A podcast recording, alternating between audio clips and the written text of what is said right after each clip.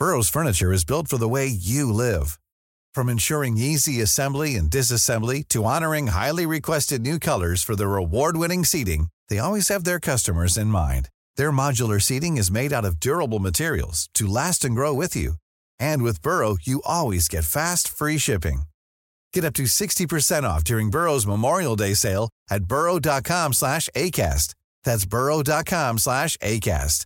burrow.com slash ACAST. It's that time of the year. Your vacation is coming up. You can already hear the beach waves, feel the warm breeze, relax, and think about work. You really, really want it all to work out while you're away. Monday.com gives you and the team that peace of mind. When all work is on one platform and everyone's in sync, things just flow wherever you are. Tap the banner to go to Monday.com.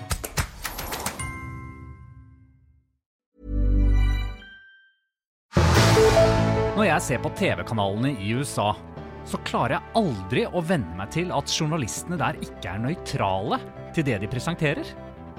Hvorfor bygger ikke USA opp om objektive og nøytrale medier? Det lurer jeg på denne uken. Du hører på Tut og Mediekjør, en podkast som gir deg historiene bak nyhetsoverskriftene, så du kan skjønne litt mer hvordan nyhetene lages. I tillegg til å snakke om hvorfor USA ikke har nøytrale mediekanaler, så skal uh, ukens lytterspørsmål handle om drap. Hvilke detaljer pressen får gå ut med og ikke. Og så skal vi ha flere også lytterspørsmål. Dette blir en slags lytterspørsmål-bonanza. Uh, ikke sant, Svein Tore Bergestuen? Ja, vi skal ta igjen det tapte. Vi har jo hatt litt dårlig samvittighet for at vi Ja. er så pratesjuke at uh, vi får bare snakket om én sak. uh, så da hoper det seg litt opp, da. Men vi svarer jo på en del eh, på Facebook-siden vår når vi får sånne direktemeldinger, da. Ja, da. Men det er jo liksom podkasten som gjelder, da. Er Jeg er så glad du hev deg på nå. Eva Sandum, velkommen til deg òg. det er meg, ja. Takk. Ja, Takk, takk. Vær så god, vær så god. Eva, du var så veldig opptatt av at vi skulle starte episoden i dag med å vise at vi sånn, følger med, eh, at, vi er, eh, at denne podkasten faktisk er blitt tatt opp i denne uken. Så hva er det du vil si? Uh, nei, altså Da er vi tilbake til lockdown, da. Ja, Nå har jeg to unger hjemme på hjemmeskole.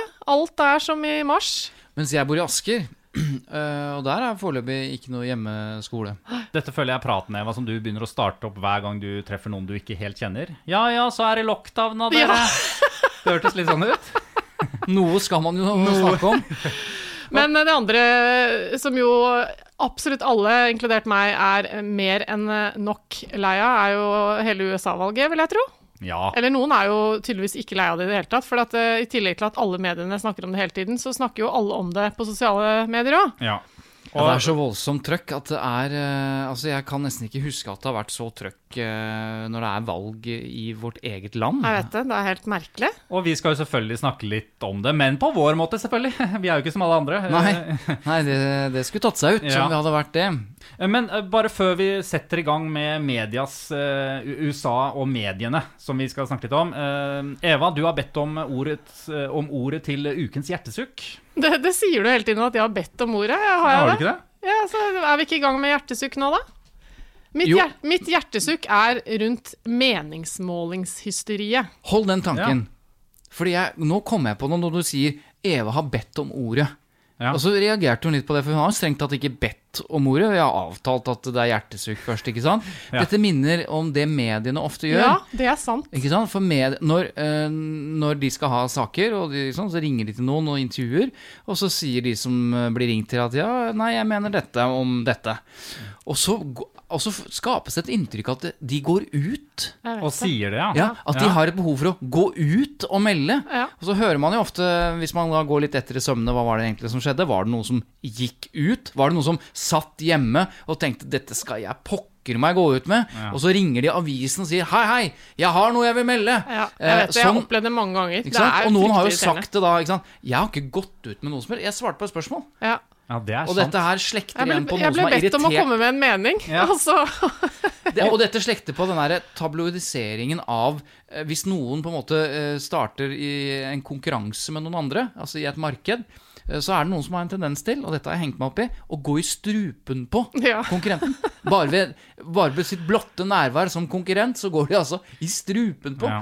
Altså, dette Men- har irritert meg. Men eh, beklager, da var det ven meningsmålinger, da. Det var ditt hjertesukk, Svein Tore. Ja. Det har du rett til å ha. Stjal på en måte hjertesukket. Men, Nei det, da, men- kan jeg komme da med et p- programlederhjertesukk? Og det er jo kanskje at det, det blir jo litt stusslig hvis programlederen også skal sitte i ethvert sånn uh, intervjusituasjon og si sånn Ja, jeg har bedt deg om å forberede eh, noe, et hjertesukk til Dag. Ja, men vi diskuterte jo det forrige uke, at det eh, hvis eh, media går ut og ber noen om å skrive noe eh, om noe, fordi det er litt Ja, underdekket, det tror jeg vi klippet vekk. og gjorde vi det? Så ikke si til noen! Det finnes ikke! Men, du, men ja, eh, til deg, da. Ja. Hjertesukk-programledergreiene. Ja. Du trenger jo ikke å si 'du har bedt om ordet'. Du kan si 'Eva, hva har du tenkt på i det siste'? Eh, hva, hva sitter du og funderer over? Istedenfor å gi meg følelsen av at jeg liksom har bedt om Ja, å ja, det er jo litt ydmykende. Det er jo for deg. Rett og slett. Ja. Eva, hva har du tenkt på da? Nei, jeg har tenkt på dette med meningsmålinger, da, som har irritert meg ekstremt mye. Fordi at jeg er så drittlei av eh, eh, at det er så mye snakk om disse meningsmålingene. Og nå som det viser seg nok en gang at meningsmålingene ikke, ikke hadde helt rett, så skal vi analysere nok en gang hvorfor disse meningsmålingene var feil. Jeg blir helt gæren av det. Men Altså, disse målingene de gir oss jo en pekepinn i en retning, da. Men hvor, er det som, Jeg skjønte ikke helt hva som irriterte deg, eller ble, at du ble lei. Nei, det altså, mengden? Ja, det er jo mengden. Altså, Mengden, ja. La oss si at jeg i løpet av uka før USA-valget da, hører på stort sett det som er av nyhetspodkaster, som jeg ofte gjør. Absolutt alle bruker da omtrent syv episoder den uka på å bare diskutere om vi kan tro på meningsmålingene, om vi ikke kan tro på meningsmålingene, hvilke er Altså, det er bare så mye snakk om de meningsmålingene. Men det er jo sånn at disse meningsmålingene de tok feil i 2016, og da burde man jo på en måte ha lært. Hvor, liksom, man har fire år til å finne ut av hvorfor ja, tok så feil Men la oss ikke ta den diskusjonen oh, ja, igjen, nei, for det er jo det alle ikke gjør. opp til den, nei. Nei, for dette er bare et hjertesukk. Det er Ja, ikke skjønner. saken. mm. Men uh, jeg vil gå så langt som til å stille spørsmålet Hva hadde skjedd hvis vi hadde driti i meningsmålingene? Og bare liksom hatt en måling kanskje en gang iblant, da. Og så, og så er det valg. Jeg bare lurer på, liksom Ja, Er det, nei, er det altså- så viktig å ha 100 meningsmålinger. Nei, det er det ikke. Men jeg tror at meningsmålinger er en viktig del av mobiliseringen og interessen rundt et valg. Og nå er det en større valgdeltakelse i USA enn noen gang i historien. Altså Det er 120 millioner amerikanere som har stemt. Altså Det er helt vilt. Og det er, om ikke noe annet, veldig, veldig bra for demokratiet. Veldig, veldig bra for legitimiteten til valg osv., selv om noen prøver å å diskreditere hele, hele valget. Eh, han er president i USA. Men poenget er i hvert fall at meningsmålinger er også med på å øke interessen. Men jeg er jo helt enig at når de både tar feil, og det er altfor mange av dem, og man overfokuserer på det, så blir man jo drittlei. Så eh, ett Ja, for det, det kan jo potensielt ha en, litt, en slagside òg, da. Når man i fire måneder snakker om at Biden ligger foran, så mobiliserer jo det Trump-velgere. Ja, Absolutt, men det er jo på en måte all, all omtale og all dekning av valget kan jo potensielt ha en slagside, og det skal vi jo komme inn på, ikke minst politisk slagside, når Ja. du har medier som den ene bare er for den andre, og den ene er bare for den tredje. Og det er jo nettopp Neida. det vi skal snakke om nå. Men Ja, det koker bare for å, så ikke jeg skal fremstå som helt komplett idiot. Jeg forstår jo at meningsmålinger kan ha en funksjon. Jeg er jo ikke liksom Men, eh, men igjen så er det jo eh, totaliteten av det mediene diskuterer og snakker om og dekker, Mm. Jeg tror de som fleste er er enig med problemet. Deg. Mm. For hvis alle hadde hatt en i ny og ne, så hadde det vært greit. Men det er jo hele tiden! Ja. Det var hjertesukk. Ja, det er skikkelig hjertesukk. Eh, Men vi er jo allerede inne på saken. For når du hører denne episoden her av Tut og Mediekjør, så eh, ser det ut som Joe Biden blir USAs neste president. Men alt er jo helt usikkert. Det som ikke er usikkert, det er at eh, mediekanalene i USA ikke er nøytrale. Altså Fox News lager saker som setter Donald Trump i et godt lys. Og MSNBC de regnes som eh, demokratenes eh, TV-kanal. Og hvorfor er mediene i, i USA så lite nøytrale? Jeg, synes, jeg, det, undrer meg gang på gang. Altså, jeg, vi, vi i Norge eh, er jo veldig sånn opptatt å sette veldig hellig den ideen om at en journalist skal være objektiv og nøytral. Og jeg føler det er, er sånn grunnlaget for all mediedekking vi har. Og en gang en journalist går utenfor den båsen i Norge, så, så, er det jo på en måte, da må du nesten gå over til kommunikasjonsbransjen. Eh, for da har du gjort en, da har du gjort en forferdelig synd. Så, og det er jo egentlig en stor livsløgn, bare så det er sagt. Ja, men ja, for da lurer jeg på hva dere tenker om det. Denne nøytrale journalisten. Eva, hvorfor sier du at det er en livsløgn? Hey, it's Danny Pellegrino from Everything Iconic. Ready to upgrade your style game without blowing your budget? Check out Quince. They've got all the good stuff, shirts and polos, activewear and fine leather goods, all at 50 to 80% less than other high-end brands. And the best part? They're all about safe, ethical, and responsible manufacturing. Get that luxury vibe without the luxury price tag. Hit up quince.com slash upgrade for free shipping and 365 day returns on your next order. That's quince.com slash upgrade. Millions of people have lost weight with personalized plans from Noom, like Evan, who can't stand salads and still lost 50 pounds. Salads, generally, for most people, are the easy button, right? For me, that wasn't an option. I never really was a salad guy. That's just not who I am. But Noom worked for me. Get your personalized plan today at Noom.com. Real Noom user compensated to provide their story. In four weeks, the typical Noom user can expect to lose one to two pounds per week. Individual results may vary. Altså, eh, selvfølgelig, en eh, journalist skal være nøytral, men mediene er jo en veldig viktig maktaktør blitt. mediene er jo med altså Man kan jo nesten gå så langt som til å si at mediene er eh, den viktigste opposisjonen, eller en av de viktigste agendasetterne, også i politikken. Mm. Fordi de har jo veldig mye makt når de velger selv om de er nøytrale i sin fremstilling av det politiske, den konkrete saken, så er det jo de som eh, har mye makt når det kommer til hva velger vi å sette fokus på. Hvordan velger vi å fremstille en sak? Hva setter vi fokus på? ikke sant? Hvem er det vi stiller spørsmål til? Hvem er det vi ber om å svare?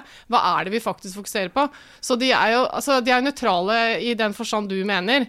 Men de er jo ja, Hva er det jeg mener igjen? Nei, Du mener at når en journalist skal gjøre en sak, så skal ikke han si 'jeg eh, eh, liksom støtter Erna Solberg', og derfor så skriver jeg noe dritt om eh, venstresida, på en måte. Det er jo Nei. ikke det. De skal jo være nøytrale i sin fremstilling av det som skjer i samfunnet når de rapporterer. Mm. Og så har de jo litt mer eh, Eh, på lederplass og kommentarplass så er det jo litt mer eh, skinner det litt gjennom eh, hva, hva, de mener, selvfølgelig. Men, men, men, problemet mitt er jo at i USA så er det jo sånn Jeg mener at Donald Trump mm. er den beste, og, og, de lager jo masse nyheter rundt det. Ja, altså De som ikke har sett det er jo ikke alle i Norge som, som deg, Kristian, som sitter og ser på amerikanske TV-kanaler. Men, men, det er klart at uh, hvis du, hvis du bruk, har brukt litt tid på Fox News f.eks. Uh, i valgkampen, så, jo, så, blir man jo helt slått i bakken. Fordi alt som Donald Trump Eller veldig mye av det Donald Trump gjør Ikke alt. Fordi eh, de var Selv Fox News mente jo at uh, opptredenen hans på debatten, den første debatten mye omtalte, hvor han bare avbrøt Biden Selv Fox News klarte ikke helt å liksom digge det. Ja, og Men, selv, eh, selv for de som ikke er klar over det, så er jo Fox News kjent for å være en Trump-vennlig ja, det er en veldig svært liksom, høyre-konservativ TV-kanal, hvor programlederne er liksom eh, Ja, de er puppets for det replikanske partiet, vil noen si. Men det er i hvert fall veldig, veldig, som du sa innledningsvis, de holder med, de holder med Trump, da. Eh, og å sitte og se på det eh, fra, altså, med utgangspunkt i en norsk virkelighet, så er det helt ko-ko å se på. Og tilsvarende på, på venstresiden, de er veldig, veldig tydelige. Så er det nok litt usikkert og litt uenighet om Du nevnte Fox News. MN, MN MSNBC. Thank you. Eh, litt uenighet om hvilke andre aviser som har slagside. Ifølge Trump så er det bare så er alle, alle, unntatt Fox News og Breitbart liksom er fake news. Men, men, eh, men, hvis man ser en objektiv vurdering av det, så, så, er det jo ikke sånn at New York Times er langt ute på venstresida, selv om noen måtte mene det. Så det er jo objektive og ofte veldig, veldig dyktige journalister. Altså noen av eh, USAs mediehus og, og aviser er, Det er så høy kvalitet på mye av den journalistikken at det er, helt, det er beundringsverdig. Det, så vi, må ikke liksom, vi må ikke putte alle amerikanske amerikanske medier inn i en eller annen slags sånn høyre-venstre eller demokratene-replikanske akse, da. Nei, Nei for jeg, jeg, jeg stoler selvfølgelig på hva dere mener, men jeg, for jeg kom jo, kom jo med en kraftig påstand ikke sant, om at uh, USA ikke har nøytrale medier. Ja, og det, det sa jo du litt nå var feil. ja, det er vel bare du og Trump som er, er helt tydelige på det. ja, ja. Eh, Men for å være helt sikker, da, så spurte jeg også Tove Bjørgaas, journalist på NRK. Hun har jo vært utenrikskorrespondent i Washington i åtte år. Og nå programleder i podkasten Krig og fred. Veldig bra podkast. Ja, nettopp. nettopp. Ja, Har du hørt den? Ja, ja. Ja. Og så har hun jo vært veldig til stede i NRKs dekning av USA-valget da, Ja, de siste ja. dagene. Så jeg spurte henne hva er det, hvordan opplever hun mediene i dag i USA. Mediene i USA er jo ekstremt uh, polarisert i dag. Ja, det var det. ja altså, da, Så da har jeg fått bekreftet det. Det var Takk breaking til news. eh, Ja. Du, rent presseetisk. Ja. Det er jo journalistene, altså du da, Kristian, som bestemmer liksom hvor mye du skal ha med av et Jeg vet intervju. det. Ja. det der, jeg ble intervjua i går, faktisk. Ja, jeg har 14 er- minutter med Tove Bjørgaas her nå. det er skikkelig frustrerende, fordi at man føler at man kommer så utrolig Man har forberedt seg litt, og så kommer man med veldig mange viktige poenger. Men, Ja. og men, så når man får sitatsjekk, så Å ja, de tok bare med liksom Ja. de tre tinga der, ja. Da fremstår jeg er, ikke. hva er mine rettigheter der, egentlig? Nei, kan, jeg, noe- kan jeg bruke bare det av Tove Bjørgaas nå? Ja, Ja. det kan du. Men jeg tror nok ikke Tove Bjørgaas ville satt eh, pris på det. Eh, fordi at hun mener noe mer enn det. Og i verste fall, hvis, dette, hvis du kutter rett i setningen, og hun sier noe som veier det opp i neste runde, og du tar vekk det, så kan du bli anklaget for ikke å presentere det riktig. Det som Men- er regelen Kristian, i forhold til etikken, er at hvis du nå klipper ut bare noe av det hun sier, sånn at det ikke representerer hennes svar, altså at det blir, eh, det blir feil, det som kommer fram fordi du har tatt bort noe viktig, da er det ikke innafor presseetikken. Drev, drev du en ren mansplaining av meg nå, Eva? Var det ikke akkurat det jeg sa? Jeg føler ikke at du sa det. Jeg drev en uh, Jeg syns dere Sa det womansplaining. ikke godt nok. Jeg syns dere utfylte hverandre. jeg. Men eh, det er vel noe mer vi har lyst til å ha med eh, av, dette? Det er det. For dette sa hun også videre, Tove Ja, det Bjørgaas. var fint. Det fins jo eh, medier i USA som kanskje vi i Norge kan sammenligne med de store norske avisene som VG, Aftenposten og, og for så vidt også NRK i sin eh, dekning.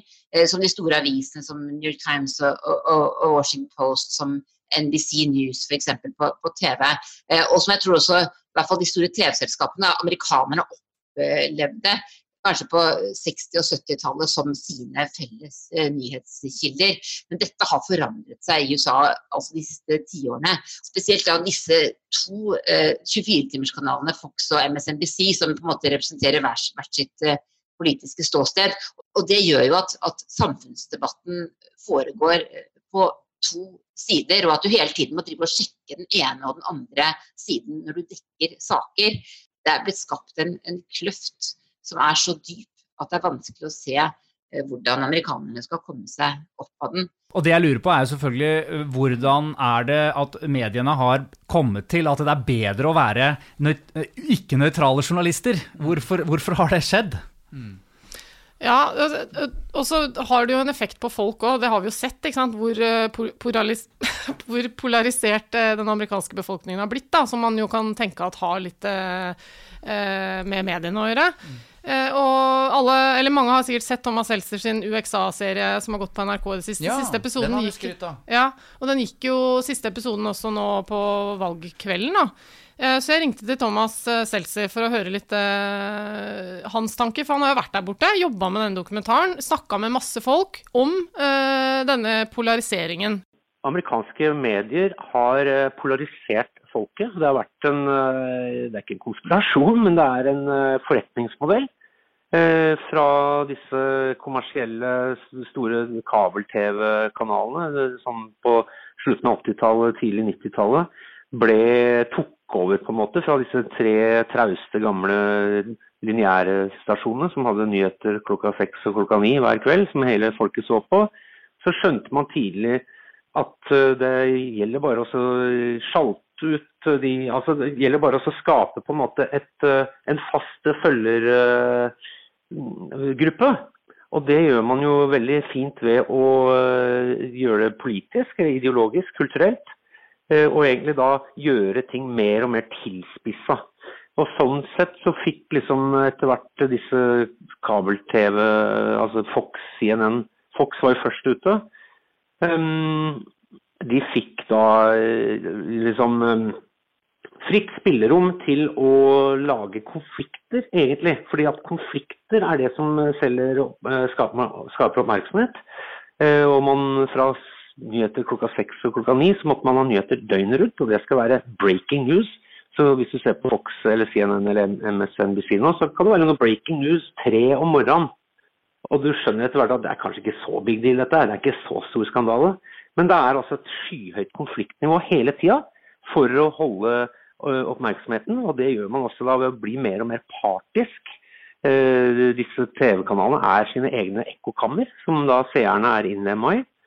Eh, og det er rett og slett god butikk å, selge, skape og selge, videreopprettholde og selge polarisering i USA. Eh, og tre fjerdedeler av alle amerikanere nå stoler ikke på folk som stemmer på det andre partiet. Så dette er et resultat. altså Det er et folk som egentlig er enige om veldig mye, eh, som bare har blitt dratt inn i to eh, leire eller stammer. Og Medias rolle i det er at det har vært en veldig villet prosess fra deres side, altså kommersielle mediene, for å, for å ha folk klistra til TV, som, hvor det er konflikter hele, hele tida, innimellom all reklamen. Og det som er interessant, eh, med tanke på det du sa i stad om Fox News, eh, Svein Tore, er jo at eh, Thomas har da en ganske klar mening om Jeg sa også om noe om Fox News. Eh, Ja, ja, du sa noe veldig sa. interessant Ja, okay, også, okay, ok, greit. Ja. Så har Thomas en teori om hvorfor vi nå begynner å se at Fox News ikke er så Trump-vennlig, for de har jo blitt kjent for å være liksom, lokalavisa til, eh, til Trump, nærmest. Mens nå har de begynt å være litt mer kritiske til ham. Ja. Eh, og, For skams skyld, eller? Nei, han har en teori om det som jeg syns var veldig interessant. La oss høre. Altså Jeff Zucker, som er sjef i CNN, eh, Tucker Carlson, denne fyren på Fox, fant jo kom over et opp, eller ble tilsendt et uh, hemmelig opptak med Zucker, hvor han sier rett ut, altså nå et par måneder før valget, at vi vil gjerne ha Trump i fire år til, for det er god butikk. Eh, Ja. og det er også noen som har snakket om at uh, Rupert Murdoch, som da er i Fox, han er veldig klar for en eh, Biden, eh, fire år med Biden, for da kan Fox gå tilbake til å være den der utrolig polemiserende opposisjonskanalen, istedenfor den dølle mellomposisjonen de på en måte har vært i nå de siste fire åra, hvor, hvor Trump også driver og kritiserer dem, da, hvor, de, hvor de har på en måte måttet måtte finne seg å bli mains, eller sånn sentrister nesten. Ikke sant? Sånn at det- mediet, altså disse som styrer det, de som eier dette, de vil at det skal være polarisert. For den polarisering er butikken de lever av. Det er produktet på en måte de både, ja, det er produktet de selger. Ok, så Thomas Seltzer eh, sier noe av det samme som Tove Bjørgaas om denne utviklingen i det siste. Men han sier også eh, noe interessant med at eh, altså det er jo i medienes interesse å polarisere. For hva er polarisering? Det er konflikt. Det er binært. ikke sant? Det er svart-hvitt. Det er mot hverandre. Og der er vi tilbake til kriteriene for nyhetsjournalistikken. Det viktigste kriteriet for journalistikken er jo konflikt. Det er den største driveren. ikke sant? Og jo mer konflikt, jo mer drivende, og jo mer penger tjener jo på sett og vis de kommersielle mediene. Ja, Så- de, for det klistrer oss til skjermen, ikke sant? Ja. Vi må følge med. og det er Jeg kjøper det resonnementet, og det um... Ja, men du, kan, du, kan du kjøpe det i en sånn, i en, som en journalist? Er ikke Nei, du, jeg har- aksepterer det ikke. Jeg kjøper argumentet og forklaringen. Jeg syns ikke det er greit. Nei? Nei, okay. fordi det å bare drive konflikt Altså, eh, I nyhetskriterier, som jeg har snakket om i tidligere episoder, husker ikke hvilken, 28 av dem. ja, så, så er jo journalistikken drives jo ikke bare av konflikt, men også av vesentlighet og, og, og sånne ting. Sånn at eh, jeg er jo ikke enig eh, Jeg mener jo at det er skadelig at det er en sånn dyp polarisering. Men jeg, jeg forstår mekanismene, og, spesielt de kommersielle mekanismene bak det. Men det er to ulike ting her. ikke sant? For at eh, Det ene som vi nå snakker om, er at mediene i seg selv skaper konflikt. Og det kan de gjøre ved å selv være nøytrale, i og for seg. De kan jo invitere to uh, gjester ja, som er uenige, og skape debatt, på en måte, eller ha ulike innslag og sånn. Eh, Så det er jo en mekanisme som mediene opererer etter, fordi, kanskje spesielt fordi de er eh, kommersielle. da. Eh, Det andre som du innleda med, var jo mer det der med den nøytrale journalisten. Og det er to litt ulike ting. For i USA så ser vi jo en mye større grad av at et mediehus har en, slags, en politisk slagside. Hvordan er det da å jobbe tenker jeg, i et Amerika med den type polarisert presse, og komme fra Norge, eh, der vi, der vi har en helt, i hvert fall i dag, har en helt annen holdning til dette, da. Og det spurte jeg også Tove Bjørgansson. Det var det jeg visste nå, Yes! spurte henne om. Eh, og da svarte hun dette. Jeg opplever at det er veldig vanskelig å, å være helt nøytral, slik som medieverdenen har blitt. Eh, og jeg tror også det blir et slags skalkeskjul. Altså, den situasjonen som har vært eh, nå med Trump, har vært så spesiell at det har vært der og rapportert, er jo at man må forsøke å fortelle hva det er som skjer. Altså bare fortelle rett og slett hva som skjer, og prøve å forklare hva det betyr. Eh, men, men det er jo vanskelig å gjøre det uten å bruke veldig sterke ord. Uten å bruke ord som å true demokratiet, forsøke å, å være autokratisk osv. Og, det, eh, og det vil noen kanskje oppleve som mindre nøytrale. Så, så, så det blir stadig, stadig vanskeligere. Så jeg må si jeg syns det har vært veldig vanskelig å jobbe i USA også, og innhente informasjon som journalist der borte, spesielt de, de siste fire årene. Det er interessant, for jeg spurte Thomas om det samme. Hvordan han syns det var når han har jobba ganske lenge i USA. Hvordan det er å være journalist og, og prøve å fortelle sine intervjuobjekter at jeg er en nøytral journalist, ettersom det nesten er et begrep som ikke fins for amerikanere.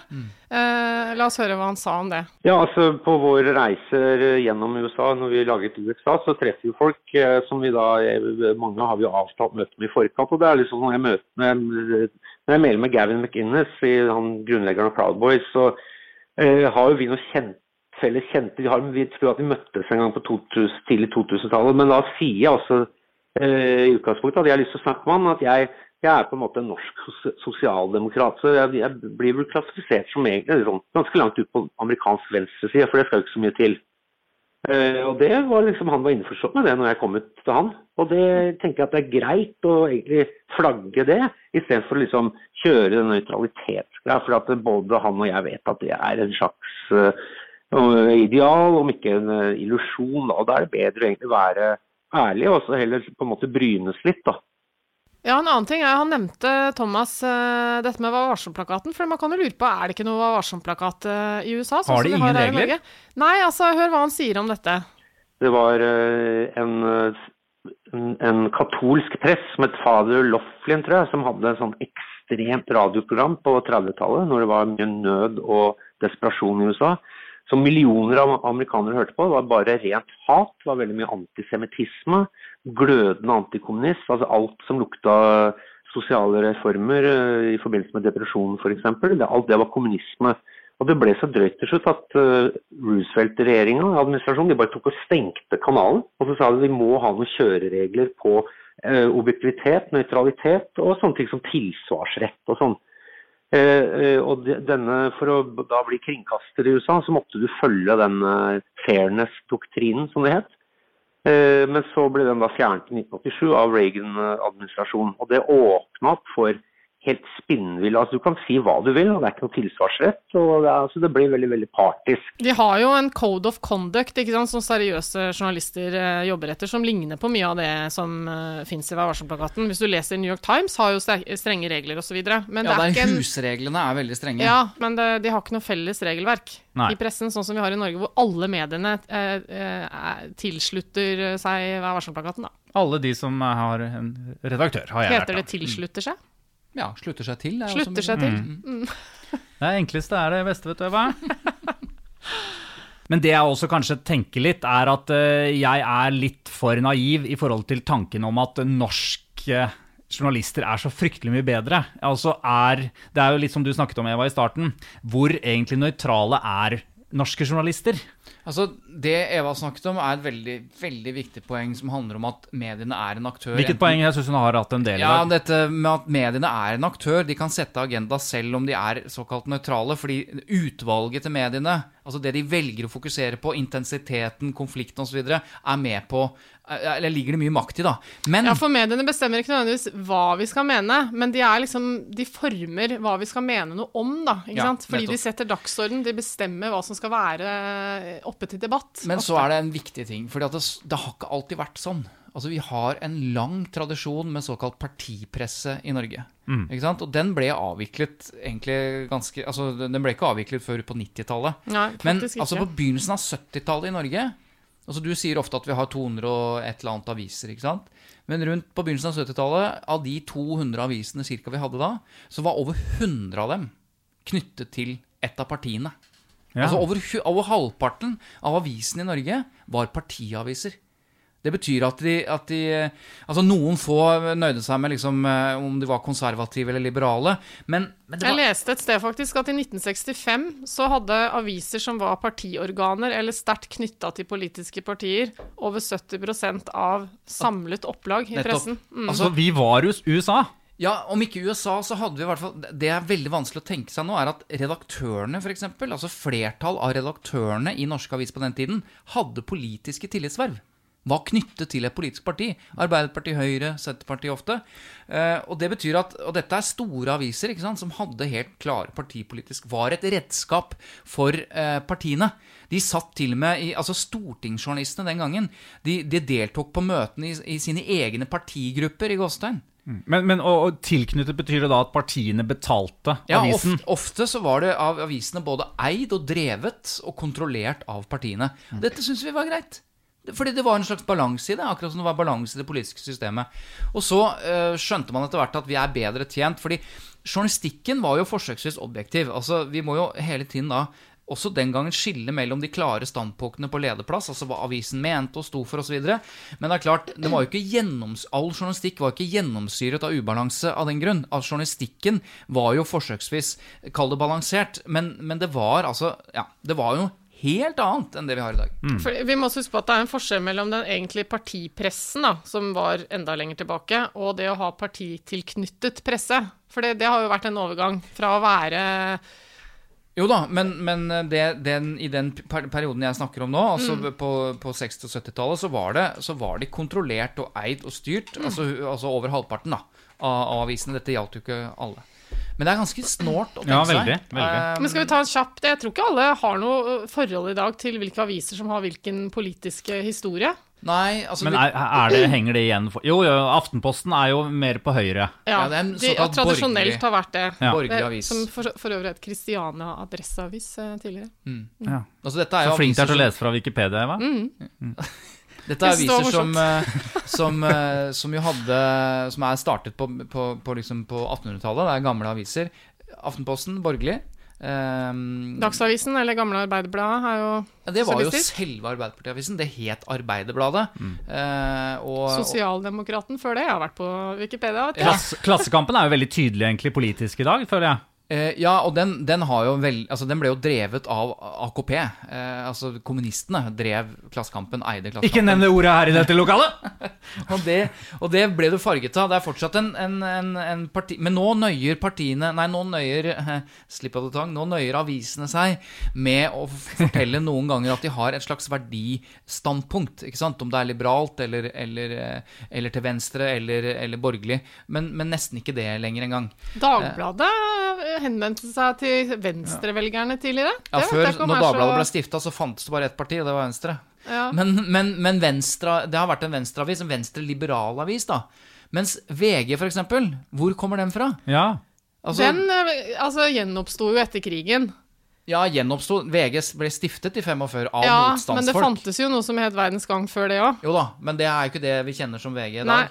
Men Og det, har aldri vært tilknytta noe politisk eh, side. Tvert imot, ikke sant? VG. VG regnes som Alltid vært nøytralt. Norges mest nøytrale avis. Ja, egentlig Ja, kan så man vel kanskje si det. Det Sånn. handler jo også om historien, da, for at der Aftenposten har lite stolt historie knyttet til nettopp andre verdenskrig, og ble jo tatt over av, av nazistene, men de rekrutterte mye av ledelsen fra den eksisterende staben i, i, i Aftenposten. De var, de var, de var der.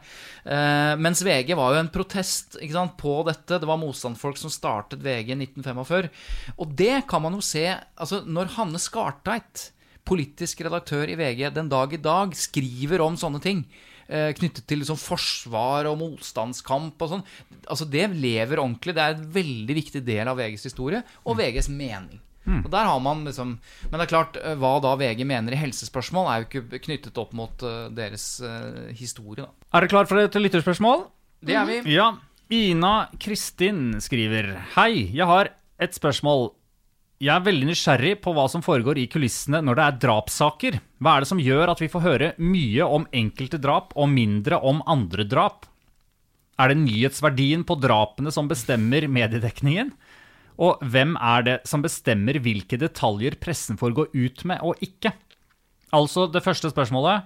Eh, hva er det som gjør at vi får høre mye om enkelte drap og mindre om andre drap? Nå gleder jeg nå, nå kjenner jeg at jeg bare lener meg litt tilbake, for det, dette kan Svein Tore veldig mye om, veit jeg. Jo, men, men du kan jo svare på det. Hvorfor er det enkelte drap som blir store, og hvorfor er det andre drap som ikke blir store? Det er jo det deilige ordet da, som eh, blir stadig misbrukt. Offentlighetens interesse. Ja. Ja. Og det liker jo ikke du, det ordet. Nei. Nei. Men, eh, og her handler det ikke sant, altså Kriminalhistorien, eller kriminaljournalistikkens historie, er noe av det mest spennende eh, å lese. Men vi skal vente med den. Men, men svaret er jo at det handler om nyhetskriteriet. F.eks. Tom Hagen-saken, eller Hagen-saken. Der er det jo en, en milliardær som er sikt... Det er en spektakulær sak med mange ingredienser. Så man kan si at hvis en drapssak inneholder mye sånn Fy faen, er det sant? Altså utrolige ting, da, kan man si. Og, og så blir jo det en større nyhetssak. Det har en større offentlig interesse, delvis fordi aktøren er det, og en større offentlig nysgjerrighet, som Eva ofte kaller det. Eh, sånn at drapssaker vurderes jo ofte ut ifra både hvem er som er involvert i dette her. Eh, er det barn involvert, f.eks.? Eh, For det handler jo om hva slags relasjon vi har til Altså hva slags rolle det spiller i samfunnet. da Er det barn som er tatt av dage? Er det en homofil som er drept i et hat Altså at det er hatkriminalitet? Er det bestialsk? Er det involver... Ja, alle dette, dette er jo vanlige nyhetskriterier, så hvis du bytter ut drap med annen kriminalitet, så gjelder det samme. Ja.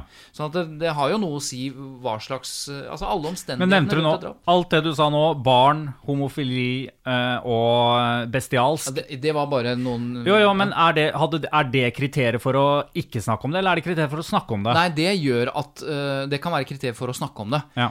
For drap på barn, det skjer sjelden. eh, og det er noe av det vi frykter mest. Alle foreldre frykter eh, for barna sine. Så det skaper en enorm interesse knyttet til de sakene.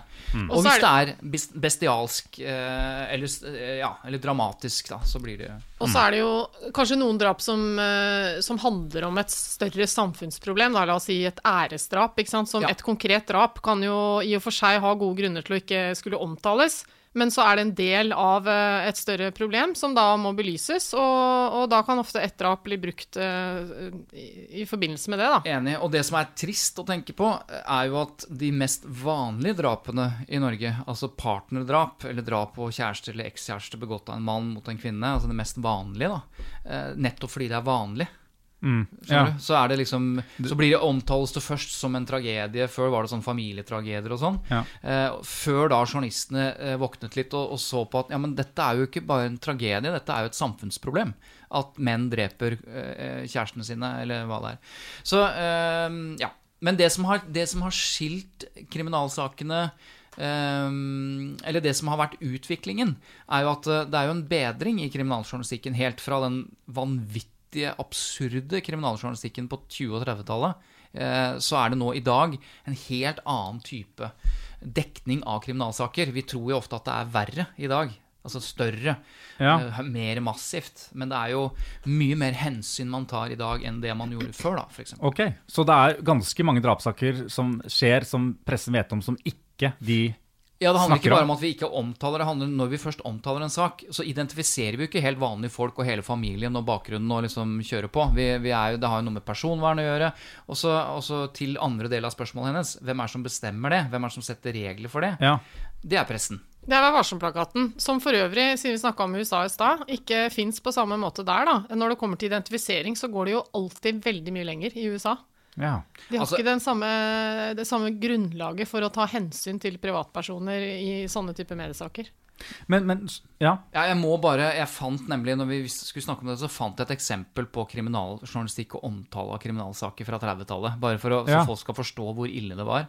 Altså det er, Dette er Dagbladet. Dagbladet var jo liksom fant opp kriminaljournalistikken på sett og vis. Eh, Dette er fra 26.2.1934. Overskriften er altså 'Grufullt vanvittsmord på Torshov i dag'. Og så står det fullt, fullt navn, altså alltid bare fullt navn. Ja. Oskar Vestby dreper sin sønn med en klubbe og skjærer pulsåren over på seg selv. Sørgelig pengemangel, nervøsitet og sjalusi grunnene til tragedien. 14 dager siden så slapp faren ut av Ullevåls sjette avdeling. Og dette sto i avisen. Ja, ikke sant? Altså, ikke bare full identifisering, og her er det jo snakk om et selvdrap òg. Men også at det var nervøsitet og sjalusi og pengemangel. Ja, og dette er før etterforskningen Ja, starter. det er ganske det er helt utrolig. absurd, da. Og i dag så er det jo litt sånn eh, jeg, jeg kjente litt på skjelvefoten. Altså, er det greit at vi i denne podkasten sier hans navn i denne sammenhengen? Ja, det kan du si, og det er faktisk en vurdering, for det er jo etterlatte etter Ja. han også. Men, Mm.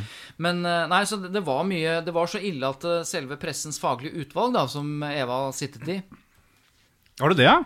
Ja da.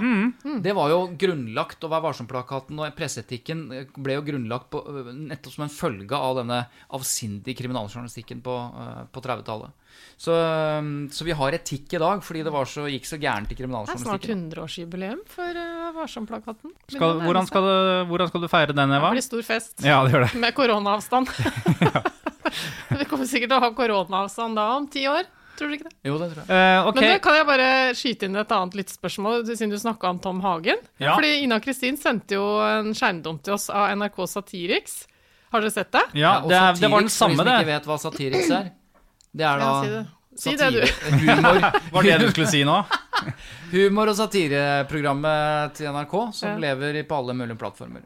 Og så har de lagt ut et bilde av uh, Tom Hagen som tilsynelatende da er, er med i Skal vi danse. Han er liksom i sånn uh, full dansekostymefigur og så med logoen til Skal vi danse og sånn. Og så står det Tom Hagens advokat har rådet sin klient til å si nei til politiet og ja til Skal vi danse. Og så har ikke jeg hørt innslaget, det burde vi ha gjort, men det bare slo meg nå når du nevnte navnet hans. Ja. Og så er det noen som sier dette burde meldes inn til pressens faglige utvalg. Dette kan da ikke være greit. Og da er vi litt det- over på humor igjen. Ja. Ja, og, det er, og da er jeg glad jeg ikke er inhabil lenger. Ja. For At jeg, jeg, jeg så også dette her, og jeg syns dette er veldig morsomt. eh, og nettopp fordi jeg syns det spiller fryktelig bra på eh, noe som jeg lurte på når jeg så det lange intervjuet med Hagen på NRK. Ja. Eh, hvorfor velger han å stille opp i dette lange intervjuet, og samtidig velger å ikke snakke med politiet? Mm. Eh, og det syns jeg var morsomt, og det var veldig bra tatt på kornet i den Satiriks... Og det er jo mye verre ting enn dette som er på Nytt på Nytt. Altså på Nytt på Nytt, som er det mest, og har vært det mest sette TV-programmet, der er- går du helt bananas. øh, Med og, ja, og tulle med folks Altså Bertheussen-saken, da. Nå er ikke det drap, men det er jo, det er jo en, tragi, en tragedie for henne og familien, kan man si. Og det tulles i øst og vest eh, med personer, med kjente personer, enten de er kjent fra politikk, kriminalitet eller hva det måtte være. Mm. Så Men hvorfor klarer Nytt på Nytt seg sånn uh, uten å bli uh, et- straffeforfølgt? Ja, det er forfulgt? mange som altså Nytt på Nytt har vært oppe i Kringkastingsrådet flere ganger. Så det er jo, jo. Men nei, for det er en veldig veldig klart definert ramme på det programmet. Det er humor og satire. Og da skal det både i NRK og samfunnet for øvrig så er, Og dette snakket vi litt om, dette var jo hele debatten rundt Tusvik og Tønne. Altså hvor går grensene for humor? I forrige episode, ja. Og vår kritikk handlet jo litt om at de går ut av humorkonseptet. Det er vanskelig å si at de er i humorkonseptet. Ja. De driver sjikane. Men, men hvor går grensene Ja, for for det? vi må holde tunga rett i munnen. Vi må ikke glemme at eh, humor eh, i journalistikken er, har jo ikke egne regler. Satire i har heller ikke egne regler, men det er større takhøyde eh, generelt for hva som er lov. Men det er jo det som vi diskuterte da, var jo hvis det går konkret utover ett menneske. Ja. Hvis man legger frem detaljer og gossip og løgn, og at de ikke får svare for seg, at ingenting er i henhold til Varselplakaten, Ja, det glir Jo, ut så av er, er ikke det lov i humor heller. Nei. Jo, Altså- men altså tydeligvis i Nytt på Nytt så er jo det lov. jo, Ja. men det er jo vurderinger der òg, hvis det går på bekostning av Altså, det, det, De det driver, ikke vurderes jo i hvert personsky- de driver ikke personhets i Nytt på Nytt. De spøker på bekostning av personer. Altså, det er jo ikke personhets jo ikke å si, rykter å, å eh, si at, eh, liksom. og, eh, Hvis du sier at Tom, Tom Hagen har sagt ja til Skal vi danse og, og nei til politiet, det er morsomt. Det syns du var morsomt. Det går jo på bekostning av han, men det har jo ingenting med Tom Hagens person og privatliv og rykter og sånn å gjøre.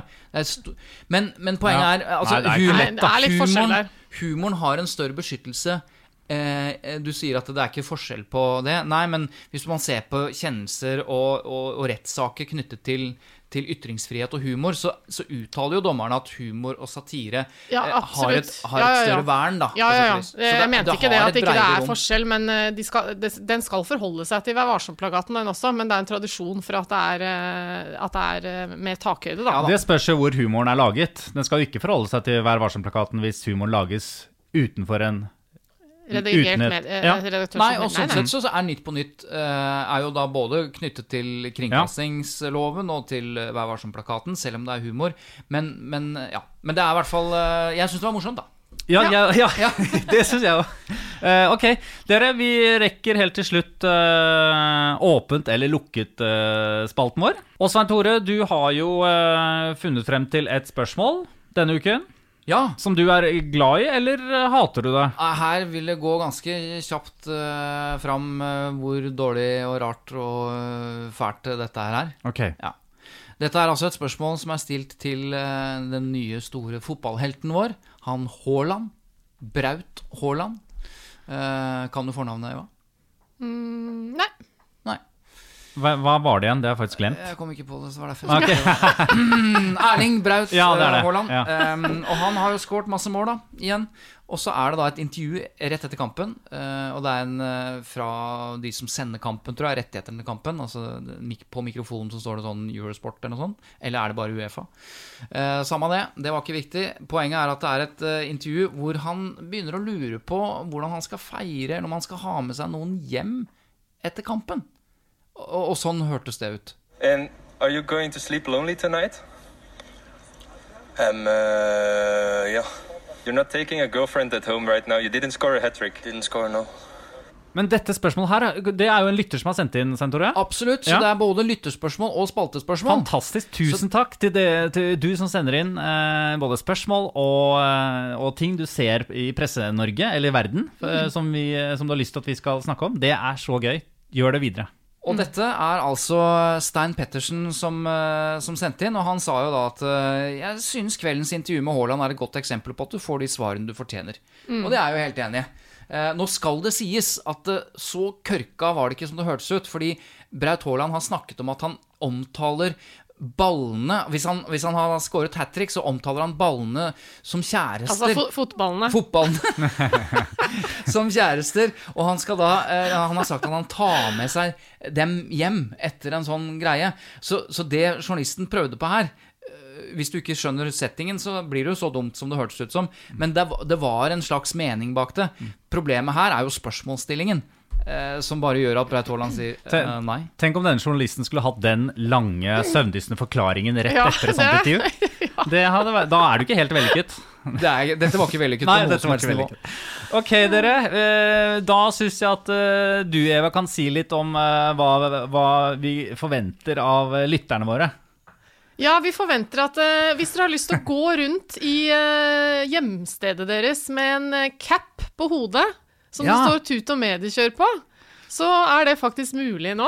Vi- Eh, gå inn på Facebook-siden vår, for vi har fått noen capper eh, som vi kan Det har vi eh, slettes ikke. Altså, vi har Ikke betalt så mye penger for de cappene dem. at eh, Så- vi må være verdens dårligste merch-selgere. Fordi Ja. Ja, vi nei. selger jo de cappene for mindre enn det de koster. Nei, ja, men nå, nå setter vi opp prisen litt så dekker porto. For at eh, markedssjefen vår, da, som da for øvrig er min sønn, han eh, oppdaga jo at eh, det kosta 90 kroner å sende noe i posten i Norge i dag. Ja. Eh, det var litt okay. sjokkerende for meg. Men hvis du har lyst på en veldig dyr cap så, Ja. så er det mulig For å få et innsalg. Ja, det var Ja, et veldig kjempebra. dårlig innsalg.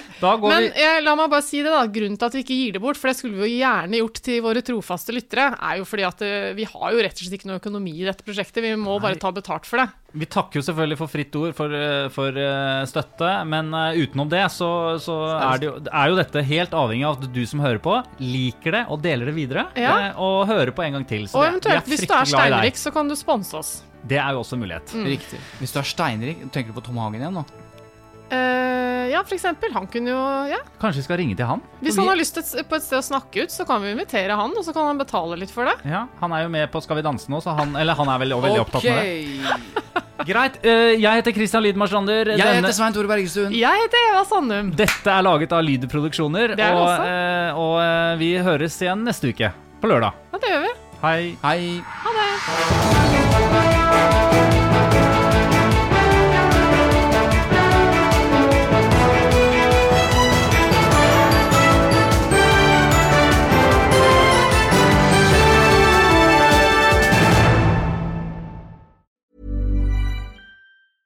A lot can happen in three years, like a chatbot may be your new best friend. But what won't change? Needing health insurance. United Healthcare Tri Term Medical Plans, underwritten by Golden Rule Insurance Company, offer flexible, budget friendly coverage that lasts nearly three years in some states. Learn more at uh1.com. Planning for your next trip? Elevate your travel style with Quince. Quince has all the jet setting essentials you'll want for your next getaway, like European linen, premium luggage options, buttery soft Italian leather bags, and so much more. And it's all priced at 50 to 80% less than similar brands. Plus, Quince only works with factories that use safe and ethical manufacturing practices. Pack your bags with high-quality essentials you'll be wearing for vacations to come with Quince. Go to quince.com slash trip for free shipping and 365-day returns.